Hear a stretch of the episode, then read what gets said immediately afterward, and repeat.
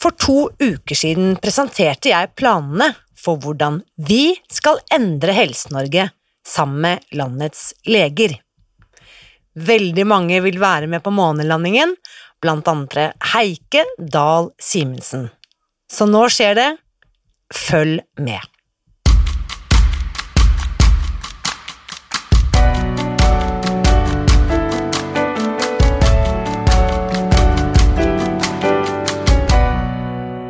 Mitt navn er Irina Lie. Jeg er journalist og forlegger, gründer og sosialentreprenør. I 2015 spiste jeg meg fri fra overvekt og fedme etter å ha slitt med vekt, kropp og følelser i nesten 30 år. Etter at jeg fant oppskriften på å spise meg fri, ga jeg meg selv et nytt oppdrag å dele denne kunnskapen med alle som trenger det. I første sesong av denne podkasten deler jeg hele lydboken eh, Spis deg fri. Den finner du ved å bla deg tilbake til høsten 2019.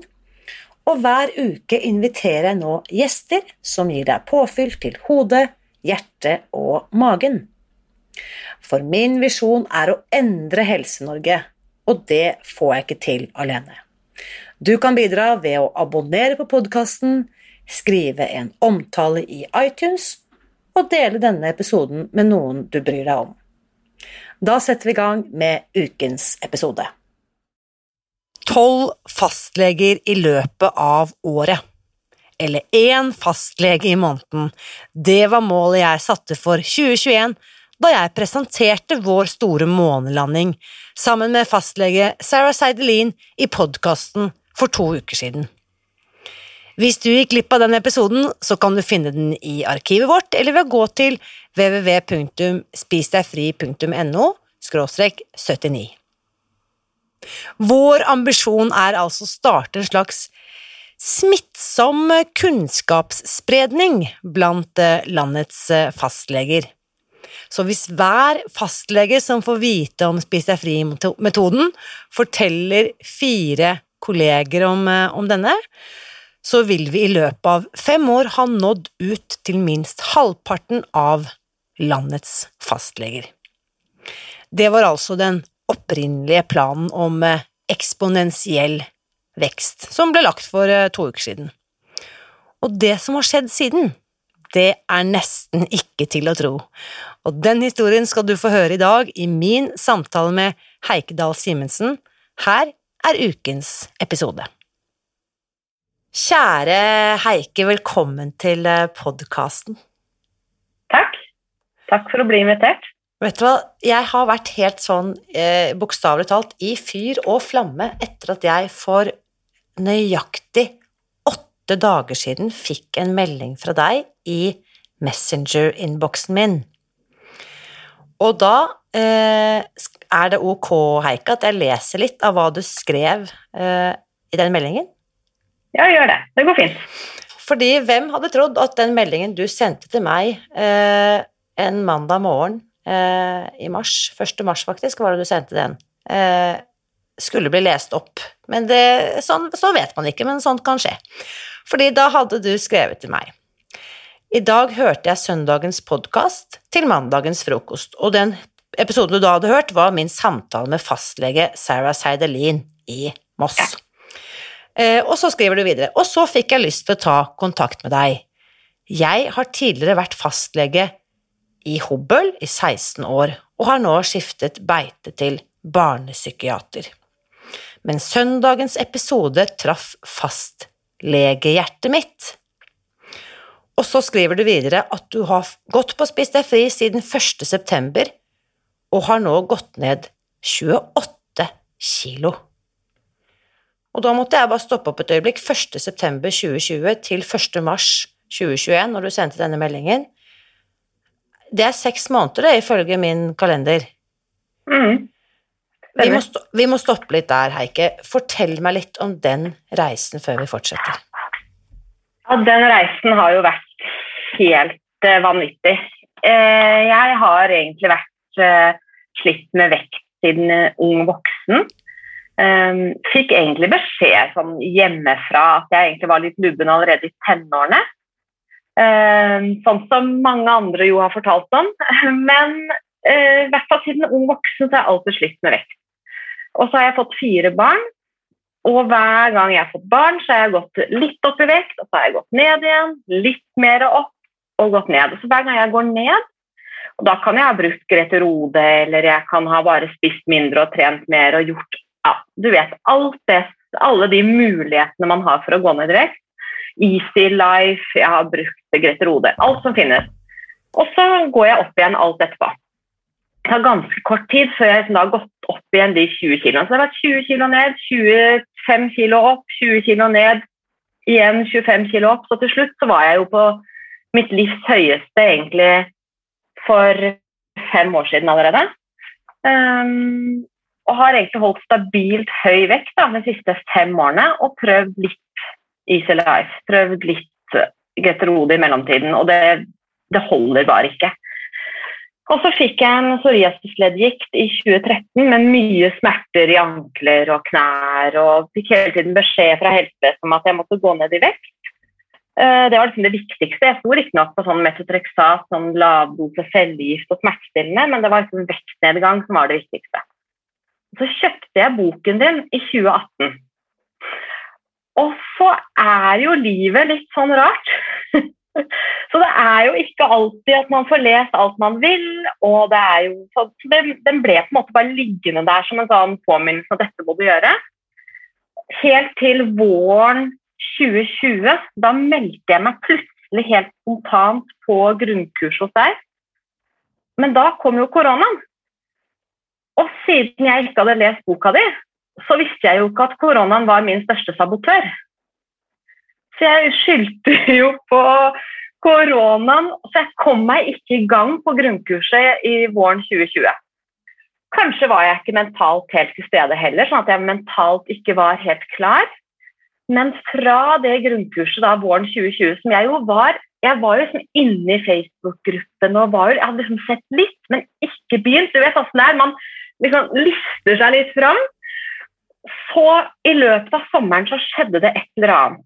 Og da kommer det på sånn magisk vis, så dukker podkasten din opp i min podkast-feed. For den visste jeg egentlig ikke om. Nei. Og der har jo du lest inn hele boken. Så da hørte jeg boken på vei til jobb, og så begynte bare ting å dette på plass inni mitt Og så må man jo huske at jeg er lege, da. Altså, så jeg skal jo liksom kunne alt dette her. Men Jeg må bare si, Nå ser jo ikke lytterne, men jeg må bare fortelle nå at nå holder Heike opp sånne to fingre, air quotes, i luften. Jeg skal jo liksom kunne dette her. Ja, dette skal du liksom ja. kunne, Heike. Ja. Ikke sant? Alle, altså, jeg har jo helt fått vite at du som er lege, du vet jo hva du skal gjøre for å gå ned i vekt. Så det er jo bare å gjøre det. Og så hører jeg podkasten din med der hvor du leser opp boken, og så skjønner jeg jo plutselig at jeg har vært på fullstendig feil spor plutselig så skjønner jeg at her er det ikke om å gjøre å trene mer, begynne å løpe, trene mer vekter. Eh, dytte meg selv til treningsstudioer og ja, alt jeg på en måte har gjort. Og da i tillegg liksom prøve å holde måtehold fra sukker, for hver gang jeg har holdt måtehold fra sukker Altså les, les Pepsi Max og sjokolade, da. Altså Sukker for meg er da Pepsi Max og sjokolade. Så har jeg jo bare fått enda mer lyst på sjokolade, enda mer lyst på Pepsi Max. Så da, i løpet av august, når jeg da hører podkasten din, så begynner jeg å skjønne at ok, må her må jeg bare begynne. Da begynner jeg med å droppe suketter i, og svart te. Det er det første jeg gjør. Så reduserer jeg Pepsi Max til uh, nesten ja, egentlig I løpet av august det, blir det til null. Uh, sånn at rundt i første uken i september så er jeg på null Pepsi Max. Og fra ja, det var, det var, en kamp i seg selv. Hvor mye Pepsi Max eh, drakk du? Eh, bare for å stoppe opp der et lite øyeblikk. Ja, det er jo nesten så man ikke tør å si det, ja, Jo, men, jo, men vet du, det er veldig modig at uh, du, du, sier, fordi at uh, her tenker folk at det er ingen som drikker så mye som meg, så du vet at du ikke er alene. Ja. Nei, 1,5 liter om dagen var minimum. Altså sånn ca. 1,5 liter om dagen, kanskje 2 liter. Ja. Mm. Mm. Mm. Og da vil jeg også bare tippe, da. Ja, da vil jeg bare tippe jeg, min forestilling og min kjennskap til uh, leger og deres arbeidshverdag, det er ganske hektisk. Du skal være ganske sharp, både mentalt og fysisk gjennom dagen. Så det å fylle på med noe koffein og sukkerholdig høres jo veldig logisk ut. Mm. Det, det, var det, det, var det, som get, get me going liksom gjennom uh, Kept me going gjennom dagen. På, mm. både i fastlegehverdagen og nå også i den siste altså, som, På en jobb på en poliklinikk med, uh, i barnepsykiatrien, så er det jo ganske hektisk der òg. Det er jo pasienter hele tiden, masse du skal skrive, overtid. Så det var liksom Pepsi Max som holdt meg i gang. Ja, ja. Så da har du klart å kutte ut det eh, fra typ halvannen til to liter daglig ned til null i løpet av noen uker. Det er jo vanvittig ja. imponerende. Gratulerer. Det tok, to uker tok det, da. Og da hadde jeg også samtidig da fått en Noen ganger så kommer mailene dine på akkurat rett tidspunkt. For da sendte du en mail hvor det sto at du som har gått på grunnkurs før, du kan få rabatt på neste grunnkurs. Så tenkte jeg Shit, nå er tiden inne. Nå er jeg klar. Nå skal jeg. Og da begynte det grunnkurset 20.9. ca. Men da bestemte jeg meg fra, fra 30. august var jeg på rene linjer. Da var jeg Og da, så når jeg begynte på grunnkurs, så jeg, var jeg allerede i gang. Ja. Og så får jeg akkurat det jeg mangler i alt jeg har gjort fra før, det får jeg på grunnkurset. Det sosiale nettverket, jeg får sant, videoene dine hvor du snakker om alt dette mentale som ikke vi tenker på, som ikke hører hjemme i vår legevitenskap. Når vi sier at folk skal gå ned i vekt, så sier vi 'spis mindre, tren mer'. Men vi sier jo ikke noe om hjernen som må henge med, om å tilgi seg selv, om å være tro til, til, til opplegget, ha tillit til at dette virker, være takknemlig, prøve å måte, roe ned, stresse ned. Alle disse tingene som måte, kommer gjennom grunnkurset ditt. Som, kom, som hver video altså Jeg satt jo på hver video du fortalte på grunnkurset, så var det liksom bare en, en sånn Du måtte liksom gå gjennom deg selv, og det traff noe, og du måtte begynne å hva, ja, Hvordan er det dette? Hvorfor har du mm. spist? Hvorfor har du egentlig drukket Pepsi Max? Jo, det er jo for å slippe å legge deg på sofaen når du har hodepine, for å slippe å ta en pause. Så begynte jeg da å ta pauser mm. istedenfor. Tok på meg kosetøflene. Og, og, og, da Ja. Så det altså, er jeg, Jeg blir så berørt av det du sier, fordi at eh, du, du Jeg vet ikke om du kan sette deg inn i hvordan det oppfattes for oss vanlige, uskolerte, eh, halvstuderte røvere, å snakke med akademikere, leger er jo fortsatt liksom på toppen av rangstigen i liksom den akademiske verden. Dere har gått hundrevis av år på skole, tilbakelagt eh, tonnevis av vekttall. Dere er anerkjent og høyt faglig kvalifisert. Så når jeg da liksom rekker opp en hånd og sier at jeg tror kanskje jeg vet noe som ikke legene vet, det er ganske sånn, hva skal jeg si, mm. eh, freidig, i mangel på et bedre ord. Og når du da sier det, med all den kompetansen jeg vet at du har med deg, så blir jeg rett og slett ordentlig liksom rørt og stolt og litt flau og litt takknemlig og en god blanding. Det er mye følelser som pågår her nå, Heike. Jeg må bare si det høyt. ja. Du skal være mest stolt, fordi at det, det, du har på en måte forandret altså For meg så har du jo forandret hele min tilnærming til altså Maten er jo én ting. Mat er jo en del av det de vektnedgangen altså Nå har jeg faktisk gått ned 29 kilo da, siden forrige mandag. Nå er det til sammen 29 kilo. Utrolig. Eh, mm. Og så har jo jeg noen kilo igjen, um, så det kan vi jo snakke litt om etterpå. Men, um, men det, som, det, som, også har forandret seg, er at jeg har en helt annen ro. Mm. Jeg, er, jeg, er, mye mer til stede. Den der hjernetåken som jeg ikke trodde jeg hadde, den er jo borte. Jeg uh, har lavere hvilepuls. Eh, nå tror jeg, det, det kom i løpet av pustekurset ditt, som jeg også deltok på i høst. Så fikk jeg plutselig lavere uh, hvilepuls. Jeg får kommentarer fra kollegaer på at uh, du virker så rolig, Heike. Akkurat som om du eh, har mindre å gjøre enn oss andre, men det vet jo alle at jeg ikke har. De vet at jeg samme arbeid, hadde i høst samme arbeidsbelastningen som alltid. Og Likevel så var det liksom kommentar på at du virker roligere. Nå skal det sies at Akkurat nå så har jeg en, hjemmesituasjon som er veldig spesiell, så akkurat nå er jeg ikke i jobb nå de månedene her. Men uh, det er pga. En, på en helt, helt spesiell hjemmesituasjon med sykdom i familien. Uh, men i høst var det jo Mm. like hektisk. Og da fikk jeg kommentarer på det. Jeg husker du, Vi sjekket jo inn med hverandre gjennom høsten, og så husker jeg du sa akkurat det at jeg har det supertravelt, men akkurat i dette øyeblikket så er jeg helt til stede.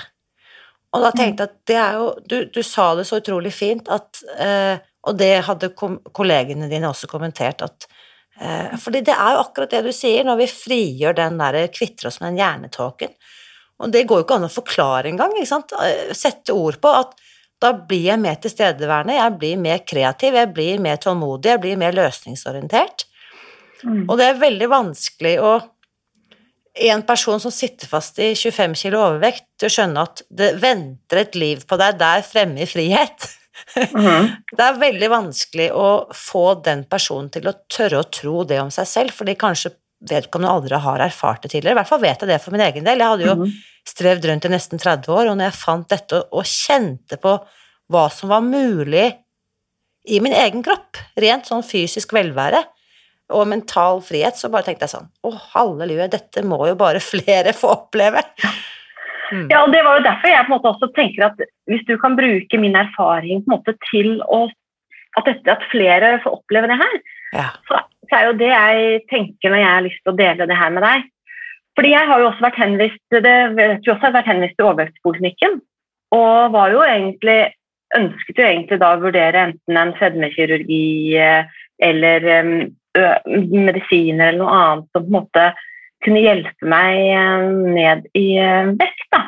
Mm. Og det var jo, når, du har gått ned da, da hadde jeg gått ned 27 kg når jeg var der, da er det jo ikke noen slankeoperasjon lenger som er riktig. Da er det ikke fedmekirurgi du får tilbud om. Det er ikke det. Da, så da var det liksom at nå, du har gjort en kjempejobb, var liksom beskjeden jeg fikk. Men samtidig med en sånn undertone på at jeg tror ikke det, du skal regne med å kunne gå ned så veldig mye mer nå. Nei. Fordi er du Hva slags vekt, startvekt snakker vi om? Hvor mange BMI, eller eh, hva, hva var utgangspunktet ditt? Ja, Utgangspunktet mitt var jo en BMI på 48 eller noe, tror jeg. Det Ja. var ganske høy BMI. Sånn at eh, når jeg Ja, det, det, det må jeg i så fall regne ut helt nøyaktig, det husker jeg ikke nå. Men da er vi oppe i det som kalles sykelig overvekt, eller sykelig Mhm. fedme, mm. og det er denne som også alle, eh, hele forskningsstanden sier er kronisk og ukurerbar, noe du skal leve med til du på en måte ikke lever lenger. Mm.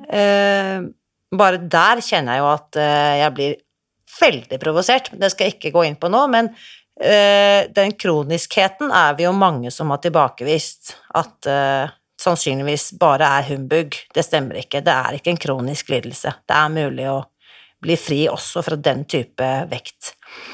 Men ok, så da har du gått ned 29 kilo frem til i dag, fra type BMI 48 eller der omkring, så Ja, men du, ja, Den står på Skal vi se, nå, går jeg inn og sjekker helt nøyaktig. Nei, altså den, nå skal du få tallet helt nøyaktig, for det har jeg jo.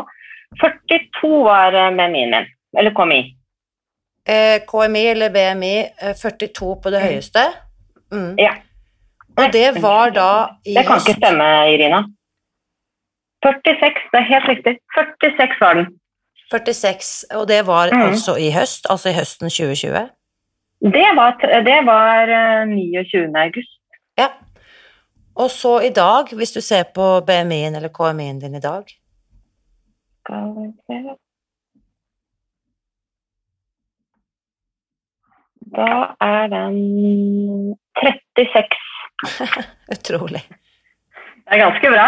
Utrolig. Tenk for en Ja, det er, det er, jo, det er jo nesten så jeg ikke tror det selv. Og så er det jo så sier vi, vi snakker om at uh, fedme er kronisk. Det som jeg tenker er viktig at vi har med oss, det er jo at den vil jo være kronisk hvis ikke jeg eh, fortsetter denne veien her.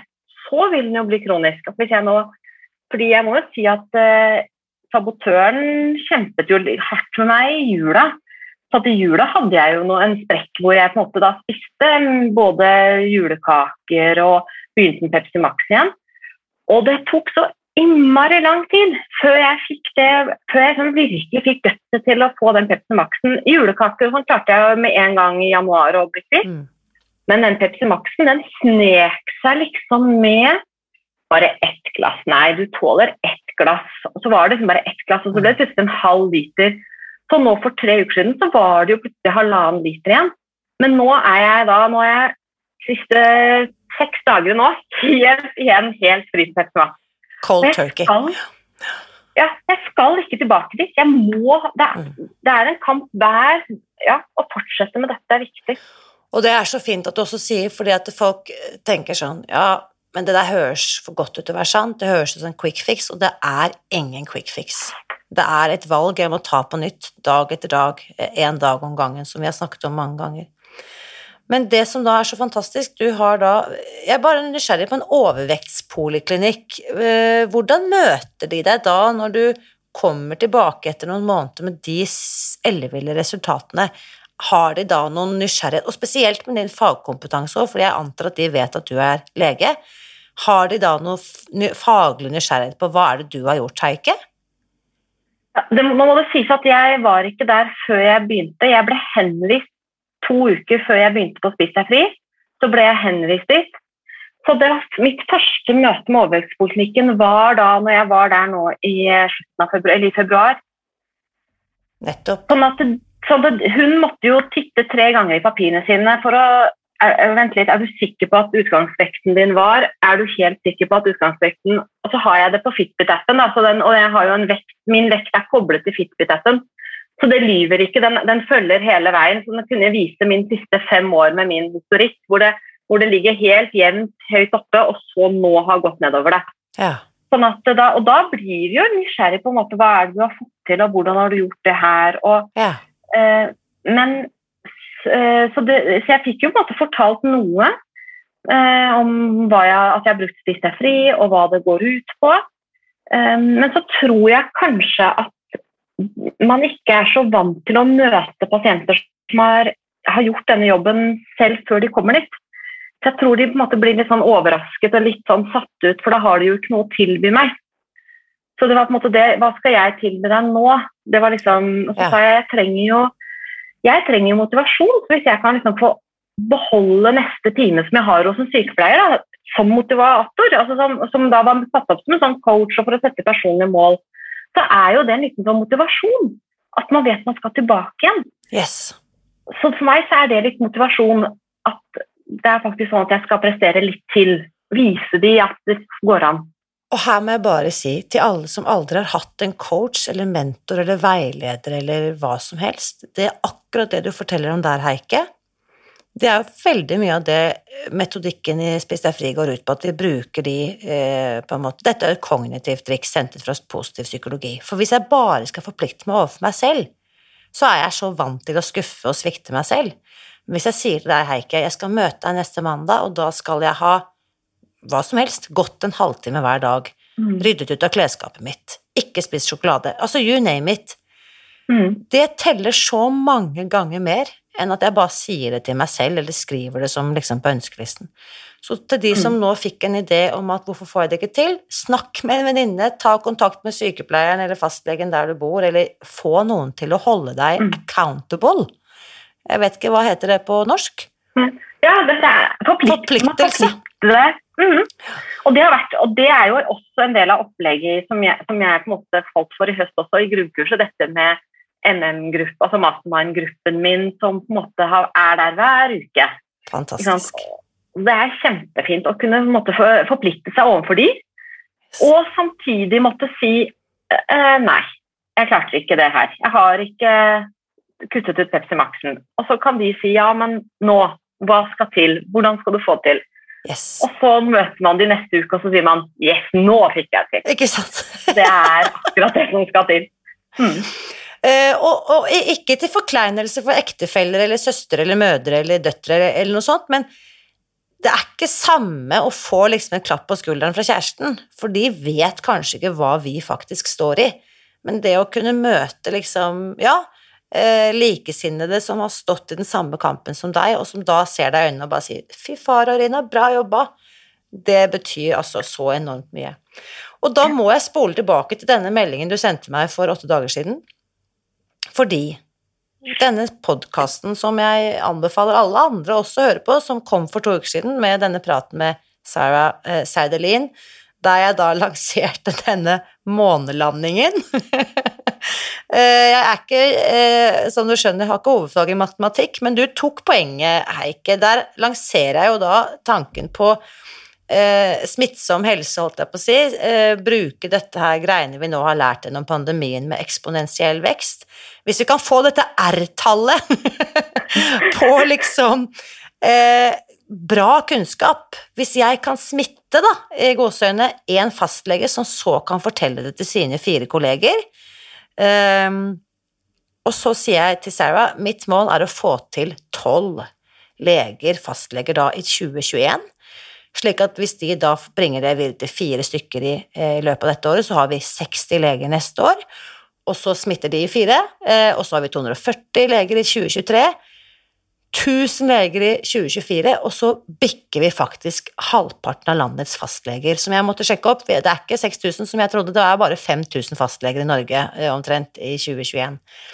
Så innen fem år vil vi da ha nådd ut med denne kunnskapen til over halvparten av landets fastleger. Kort oppsummert var det vi snakket om i episode 79. Og så skriver du til meg. Hvorfor skriver jeg dette til deg? Jo, fordi hvis du kan bruke mine erfaringer til å nå ut til flere fastleger eller pasienter, så er det kanskje nyttig for flere. Kanskje vi burde lagd et kurs for fastleger? Eller et symposium? Ha en fin dag, med vennlig hilsen Heike. Og altså, du skal vite at jeg sto og hoppet opp og ned, og, og det tok jo mange timer før jeg rakk å svare, for jeg, eh, jeg var så travel den mandagen, men ah, hva skal jeg si? Det du ikke vet, Heike, er at du er lege nummer tolv. Ja, så kult. Faktisk. Så, ja, så det som jeg sa til Sarah Saidlin for to uker siden, at målet var å få tolv leger på plass i 2021, det du nå, har du nå komplettert. Eh, og nå skal det sies at tre av dere er ikke fastleger. Det er to gynekologspesialister, og så er det deg som nå ikke jobber som fastlege eh, lenger. Men jeg er rund i kantene, så vi sier at jeg har nådd målet om tolv leger, hvorav flertallet er fastleger fordi det du sier her, eh, eller hva med å lage et symposium? For de som ikke vet hva et symposium er, så er det jo faktisk bare leger som bruker det. eller jurister har jeg også hørt, men nemlig lage Det vi snakker om, er en fagkonferanse. Mm. Og da sa jeg til deg, når jeg meldte til deg, eh, kan vi ikke bare spille inn denne praten og lage som en podkastepisode, for dette er en fantastisk idé. Fortell, Heike, hvordan kan noe sånt se ut? Ja, for det som var, Tanken min var på en måte, hvordan vi må på en måte få fortalt dette til ikke bare til, liksom, til fastlegene, men man forteller med personlige historier om noen som har fått det til. Og, da, og I tillegg så må det da veie, og så hjelper det ikke bare med personlige historier. For det må i tillegg også veies opp av noe fagkunnskap. Og det er jo det man får til i et symposium. Da kan man ha personlige historier parallelt med at fagmennesker eller øh, forskere Eh, de som jobber med overvekt på overvektspoliklinikker, og, altså, og kanskje også fastleger. Og kanskje også de som har forsket rett på dette. Men det er jo, det er jo forskning på Spis deg fri i Amerika, selv om det ikke er i Norge ennå, så ligger det jo forskning tilgjengelig. Kanskje de også kan holde en, et innlegg en times tid om hva forskningen viser. Fordi vi vet jo det at vi fastleger jobber jo veldig sånn evidensbasert. Det, og det er på en måte vårt oppdrag fra og Det diskuterte du litt med Sarah Sedelin òg. Vårt oppdrag er jo fra Helsedirektoratet. Så vi er jo på en måte egentlig eh, Vi skal jobbe evidensbasert, og vi skal basere oss på de nasjonale faglige retningslinjene som ligger helse, på Helsedirektoratet. Og Der ligger det en nasjonal faglig retningslinje for altså utredning og behandling av voksne med overvekt og fedme. Så det er jo egentlig den vi skal følge. Så vet vi at hvis vi følger den helt, så blir pasientene mine da, da har de samme problemer som meg. Altså Da kommer de ikke i mål. Den, det går ikke. Jeg må bare stoppe opp et lite før du skal fortsette. Vi vet som fastleger at hvis vi følger nasjonale retningslinjene, så kommer ikke pasientene i mål, ikke sant, sier du. Det er, dette, det er, det er min erfaring, da. Det er min erfaring som 30, 30 år med pasienterfaring i helsevesenet, og dette vet jo også Helsedirektoratet. Jeg må, jeg må bare si hele tiden nå, Irina, da, at når jeg nå kommer med den påstanden, så er det jo en påstand som er min personlige mening. Det er ikke, er ikke det, er, det, er, det jeg har erfart gjennom mitt arbeid med pasienter med overvekt og meg selv. At bare det å spise mindre og trene mer er ikke tilstrekkelig for å få det til. Da hadde jeg fått det til allerede for fem år siden, for ti år siden, for 15 år siden da hadde jeg ikke nådd mitt høyeste nivå som på vekt som jeg var nå i, i de siste fem årene. Og jeg, jeg er jo ikke dum. du er ikke dum, og det er søren ikke jeg heller. Og ikke de 9999 personene som mislykkes av de 10 000 menneskene som starter. For det er faktisk det tallene viser. Én mm. Av 10 000 mennesker lykkes med å gå ned all sin overvekt, bli normalvektige og beholde vekten av etter syv år. Én av 10 000, det er umulig, det. Ja, og det, det, gir meg jo Da blir jeg jo Jeg blir jo ikke motivert av det heller. Jeg visste, det, var, det var derfor på en måte at jeg ikke jeg tror det var liksom en av grunnene til at når jeg kjøpte boka di, at jeg egentlig ikke klarte liksom helt å hengi meg til motivasjon. Jeg tenkte jeg har jo mislykkes så mange ganger før. Og med denne veldig veldig vanskelige familiesituasjonen med veldig syk, jeg et veldig sykt barn, så var det som, Jeg hadde ingen krefter til å ta tak i det å spise mindre, være måteholden, um, bare altså, gjøre det helt på egen hånd. Det var ikke sjans. Og når jeg så får servert dette Spis deg fri, som på en måte er hele, hele, opplegget hvor både kostholdet og det, det skal jo sies, det er litt jobb i starten å sette deg inn i kostholdet på Spis deg fri. Det tar to-tre uker. Men nå, etter et halvt år, så er det så automatisert at selv om jeg skriver matplan hver dag, hvis, jeg skriver matplan hver dag og forholder meg til den. Og det er et kjempeviktig verktøy. Men hvis den ryker fordi at jeg nå tilfeldigvis ikke rekker hjem, eller har glemt å ta med lunsj, for jeg trodde jeg skulle rekke hjem til lunsj, så er det så automatisert at jeg vet nøyaktig hvor at jeg kan kjøpe meg en boks med sherrytomater og en pose knaskegulrøtter, og så er det omtrent ti ounce. Og så vet jeg at jeg skal ha en babybell, for det er fettrasjon. Altså, jeg vet, jeg, yes. Det er litt mer automatisert. Jeg kan, yes. gå, jeg kan nå gå inn på Rema 1000 og skaffe meg en lunsj eller en middag hvis jeg har uh, bomma på å ta med meg mat. Ja. Uten at det blir helt galt. Og det er så bra du sier, fordi at uh, det kan jeg faktisk at flyet ble forsinket sånn og sånn, det eneste som er i nærheten, er en bensinstasjon. Vet du hva, til og med der, midt på natten, mm -hmm. i, i, Troms, liksom, så er det mulig å få til. ja, nettopp det. For du vet, ikke sant. Så det, og Derfor så er det så utrolig viktig at vi på en måte får denne. Jeg sier at dette er min erfaring, at det ikke virker. Så tenker jeg at vi må få dette ut til flere fastleger, og et symposium hvor vi kan veie det med forskere som representerer evidensen, for det ligger faktisk evidens på Spiss deg fri fra USA. Så må vi på en måte få det kjent også for oss fastleger, som jo ofte forholder oss til det som er evidensbasert når vi behandler pasienter.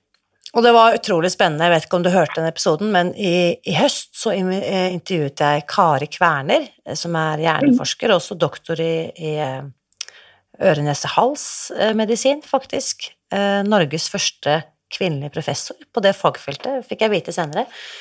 Men det hun sier, da, det er jo at befolkningen, eller folk flest, tror jo at med en gang ny forskning viser at så endres behandlingen tilsvarende, i tråd med liksom det nyeste innen forskning.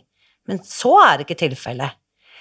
Fordi hvis man ser på hva som er gullstandarden, er jo fortsatt basert på forskning som er 30 år gammel. Som kanskje er utdatert på mange områder. Så det du og jeg snakker om her, det er jo derfor vi, eh, som jeg uttalte også til Sarah, at hun er på en måte pioner nummer én. Eh, og da får du da æresfulle tittelen pioner nummer tolv. Men ikke sant, for vi er jo da helt i forkant. Eh, forskningen pågår mens du og jeg snakker sammen.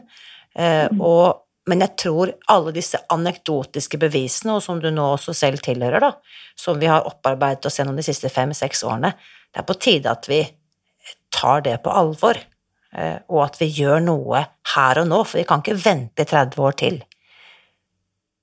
Det er det vi ikke kan. og det, Da blir det på en måte en sånn Vi må si hva som foreligger. Så, jo, så er det jo ikke så finnes det jo forskjellige pasienter. Vi alle er jo litt forskjellige. Men det som er så viktig at noen, for noen er dette opplegget virkelig riktig. Og særlig når man har denne um, sukkeravhengigheten og melavhengigheten som jo måte, man, man, kan, man skjønner det jo når man hvis man hadde gått litt dypere inn når man snakker med pasienter, hvis jeg, hvis jeg kaller meg selv en pasient, da, og funnet ut liksom, hvorfor spiser du, hva er det du spiser, hva er det som skjer når du prøver å holde måtehold fra Pepsi Max eller måtehold fra sjokolade, hvorfor går det ikke?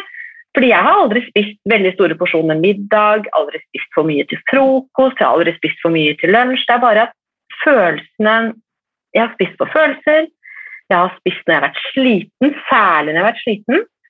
Og I tillegg så vet vi jo at et høyt stressnivå også øker risikoen for overvekt. Det vet vi jo når stresshormonene frigjøres i kroppen.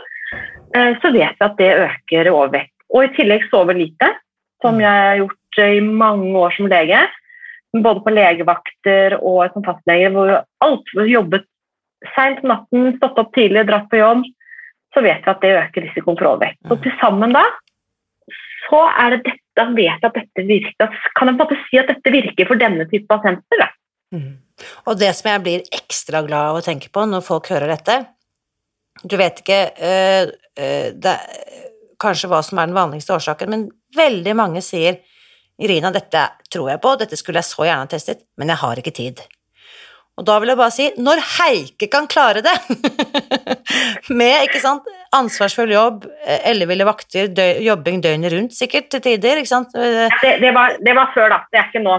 Ja, men likevel, og da fire barn i hus.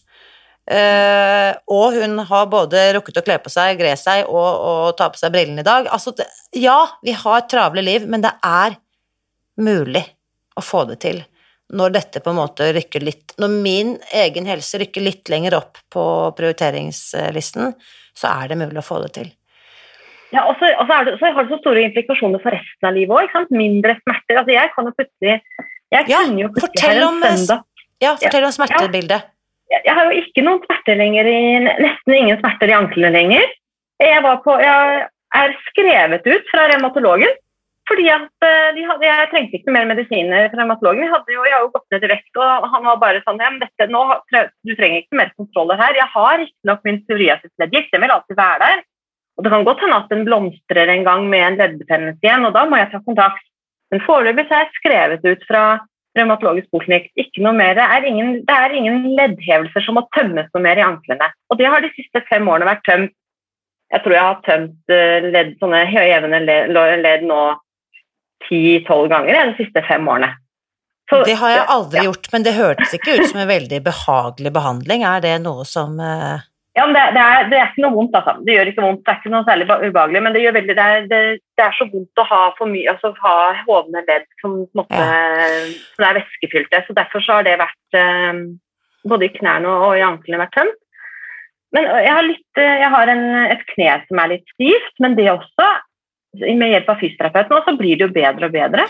Men da er jeg nysgjerrig, hva tror du med din igjen, da, fagkompetanse, hva tror du er den største årsaken, altså årsak-virkning, det at du ikke har disse opplevelsene av leddvæske og sånne ting, er det først og fremst vektnedgangen, eller tror du det er fraværet av sukker og mel? Og jeg tror det er, jeg tror det er en kombinasjon. Yes. Jeg tror, jeg tror vektnedgangen er det som gjør at jeg ikke har smerter ved gangene og sånn. Men jeg tror også at jeg ikke spiser sukker og, og kuttet ned. Altså nå er det jo ja, det er litt Pepsi Max litt i januar-februar, det må vi si, men ellers var det fire måneder uten. Jeg tror det har hatt masse å si, dette ja. kunstige søtningsstoffet og um, ja.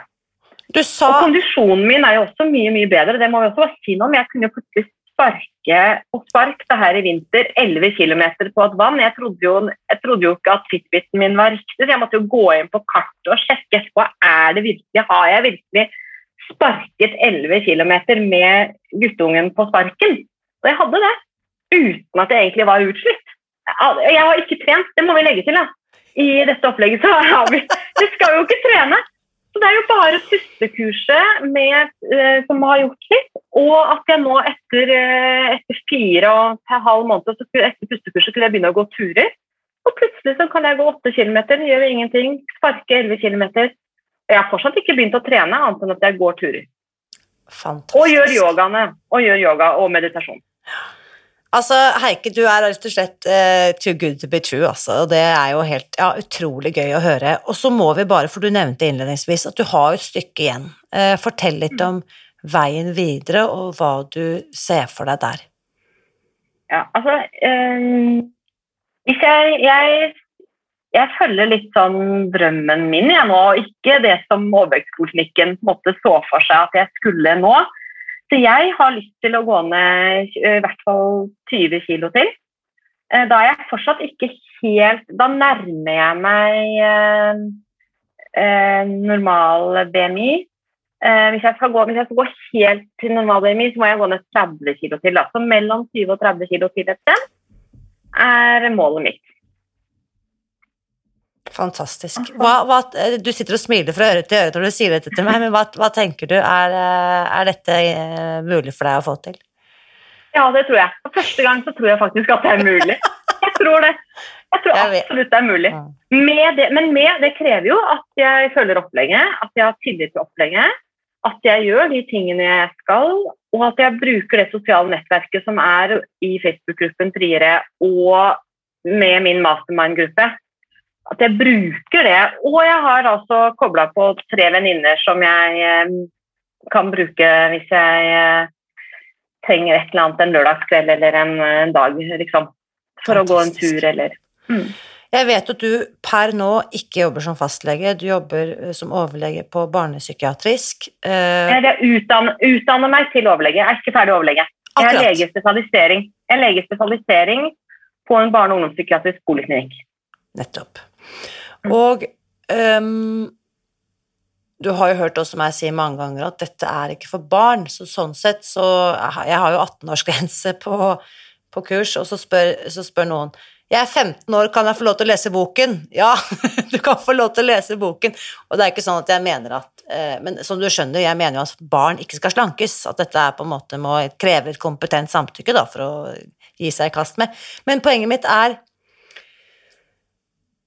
vi må få til det der symposiet. Eh, jeg har jo laget denne linken, spisdegfri.no fastlege, hvor da liksom disse elleve før deg hadde meldt sin interesse, så vi har tolv. Mm -hmm. Kan vi ikke da bare si at de som tenker at dette må jeg være med på, de må gå inn der og melde seg på og skrive inn, ikke sant. Eh, jeg har skrevet, for det er veldig mange pasienter som har tatt kontakt og sier sånn Kan du ikke registrere min fastlege? Så sier jeg nei, fordi hvis jeg kommer løpende og sier sånn Hei, du er fastlege, dette må du få med deg. Det, sånn som jeg har snakket med Sarah også, det vil ikke ha den samme effekten som når du banker på den døren og sier du, vi må snakke sammen.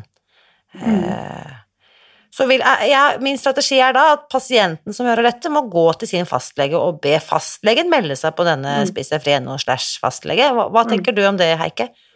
Ja, men hvis, hvis, vi skal lage et symposium, sånn at vi faktisk kommer dit at vi eh, får til et symposium hvor vi får inn noen forskere og noen fagmennesker som på en måte kan snakke litt eh, og vi kan på en måte tenke litt bredere, da syns jeg nok man skal sende ut en invitasjon til alle landets fastleger.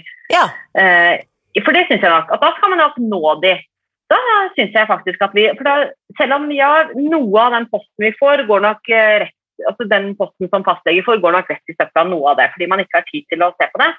Men kanskje vil 25 eh, da, se litt nysgjerrig og tenke å, jeg har jo faktisk 100 av mine pasienter er jo faktisk overvektige.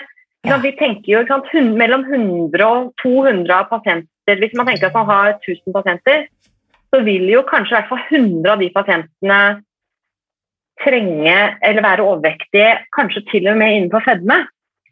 Sånn at da kanskje vil det være et fastlege som tenker at å, dette skal jeg delta på. Greit. Da skal jeg stille deg det spørsmålet som jeg vet er veldig god hjelp for meg. Når skal vi gjøre dette, Heike? Når skal vi ha dette symposiet? I går. Det er jo da høre med til historien at denne episoden spilles inn mandag 8. mars på sjølvaste kvinnedagen. Dette tror jeg kanskje er det viktigste som skjer for kvinnehelse, og dermed også befolkningens helse i 2021.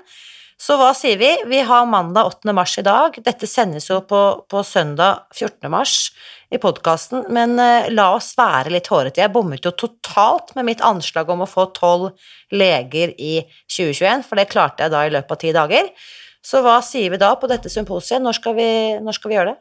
Ja, og Der kommer det an på om vi skal ha det digitalt eller om vi skal ha det fysisk. For hvis vi skal ha det fysisk, må vi i hvert fall, da kan vi ikke tenke før tidligst senhøsten 2021. For jeg tror ikke vi klarer å få samlet det å samle fysisk leger nå i denne koronasituasjonen, det vil jo ingen være med på.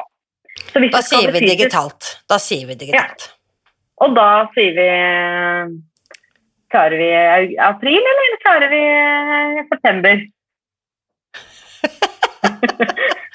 Nei, vet du hva vi gjør? Nå skal jeg sjekke datoen her. Eh, eh. For Vi må selvfølgelig ha med noen forskere. så det er klart at De trenger ofte tid til å forberede seg. Vi må ha noen som kan holde noen foredrag og som ja. kan eh, fortelle okay, sin historie. Hør, hør, på denne her. Eh, du startet, du sa at din startdato var 1.9. Skal vi si onsdag 1.9., da? Ja. Kult. Onsdag 1.9.2021 blir det fag symposium for alle landets fastleger. Dere er herved invitert. Invitasjonen kommer. Eh, Heike, du og jeg skal fortsette brainstormingen. Alle som nå tenker at dette skal jeg seriøst få med meg, dette må jeg følge, dette høres for godt ut til å være sant, jeg må i hvert fall følge med hva som skjer på dette feltet. Da er linken du skal gå inn på spisdegfri.no fastlege. Og så kommer jeg til de tolv som da er disse pionerene jeg innkaller dere til et eget lite møte, og så tar vi en liten brainstorming på dette fagsymposiet. Kult. Altså, Irina, tenk at det, det, gjelder ikke bare fastleger som kan registrere seg her. Alle landets leger som er interessert i å vite mer om dette feltet, kan få lov til å registrere seg på den linken. Vi kan eh, bredde der, eh, og det kan vi gjerne Ja, det er, det er et godt poeng. Uh, Grunnen til at jeg tok fastlege, er at da vet jeg at vi når ut til hele befolkningen. For det er ikke alle som kommer til spesialisthelsetjenesten. Men absolutt, selv om linken heter slash fastlege, så er du i andre deler av helsevesenet. Så er du velkommen til å registrere deg eh, der også. For vi trenger jo å nå ut til de som faktisk også jobber med de aller sykeste som har mest fedme. Absolutt. Uh, mm. Og det er så mange flere enn det vi kanskje kan forestille oss. Eh, dette må ut fortest mulig. Eh, Heike, jeg er superinspirert, og det er faktisk da eh, in real time fortsatt bare mandag, det er ikke blitt lunsj engang, så nå har jeg bare fått en sånn flying start på denne uken. Eh, onsdag 1. september, da skjer det fagsymposium for alle landets leger, faktisk. Mm, kult. Dette blir bra. Ja, det er veldig spennende. Da sier vi bare 'to be continued'. Takk for i dag. Takk. Takk, Takk for, i dag. Nå lurer jeg på, hva tenker du etter å ha hørt Heikes historie og hennes tanker og ideer om å få denne kunnskapen ut til så mange leger som mulig? For min egen del må jeg bare si at jeg blir så dønn inspirert og det gir meg så vanvittig mye pågangsmot at det finnes modige pionerer der ute, rundt i det ganske land, som våger å gjøre ting de aldri har gjort før, enten målet er å forbedre sin egen helse, eller å endre verden. Så jeg vil veldig gjerne høre hva som inspirerer deg. Bli med inn i den åpne Facebook-gruppen vår, Spis deg fri, og fortell. Så nå er vi altså i gang med å planlegge årets store, hva skal vi si, medisinskfaglige høydepunkt, nemlig et symposium for fastleger og andre helsearbeidere onsdag 1. september 2021.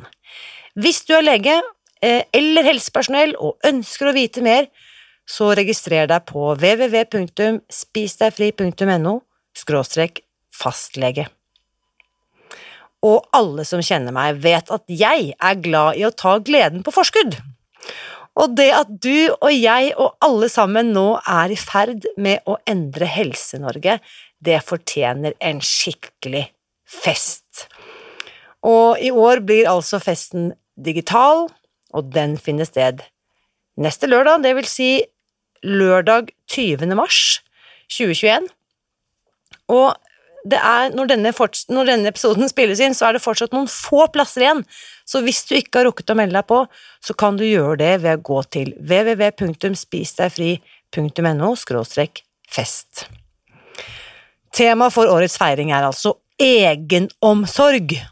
Og for å si det sånn, er det noe vi virkelig trenger nå, så er det en hel dag fylt med fest og glede og feiring. Og siden festen er digital, betyr det at du kan være med uansett hvor i verden du måtte være. Og du finner altså mer info og link til eh, påmeldingen på www.spisdegfri.no fest. Og uansett hvordan du velger å feire dine store og små fremskritt, så vit at jeg heier på deg. Alltid.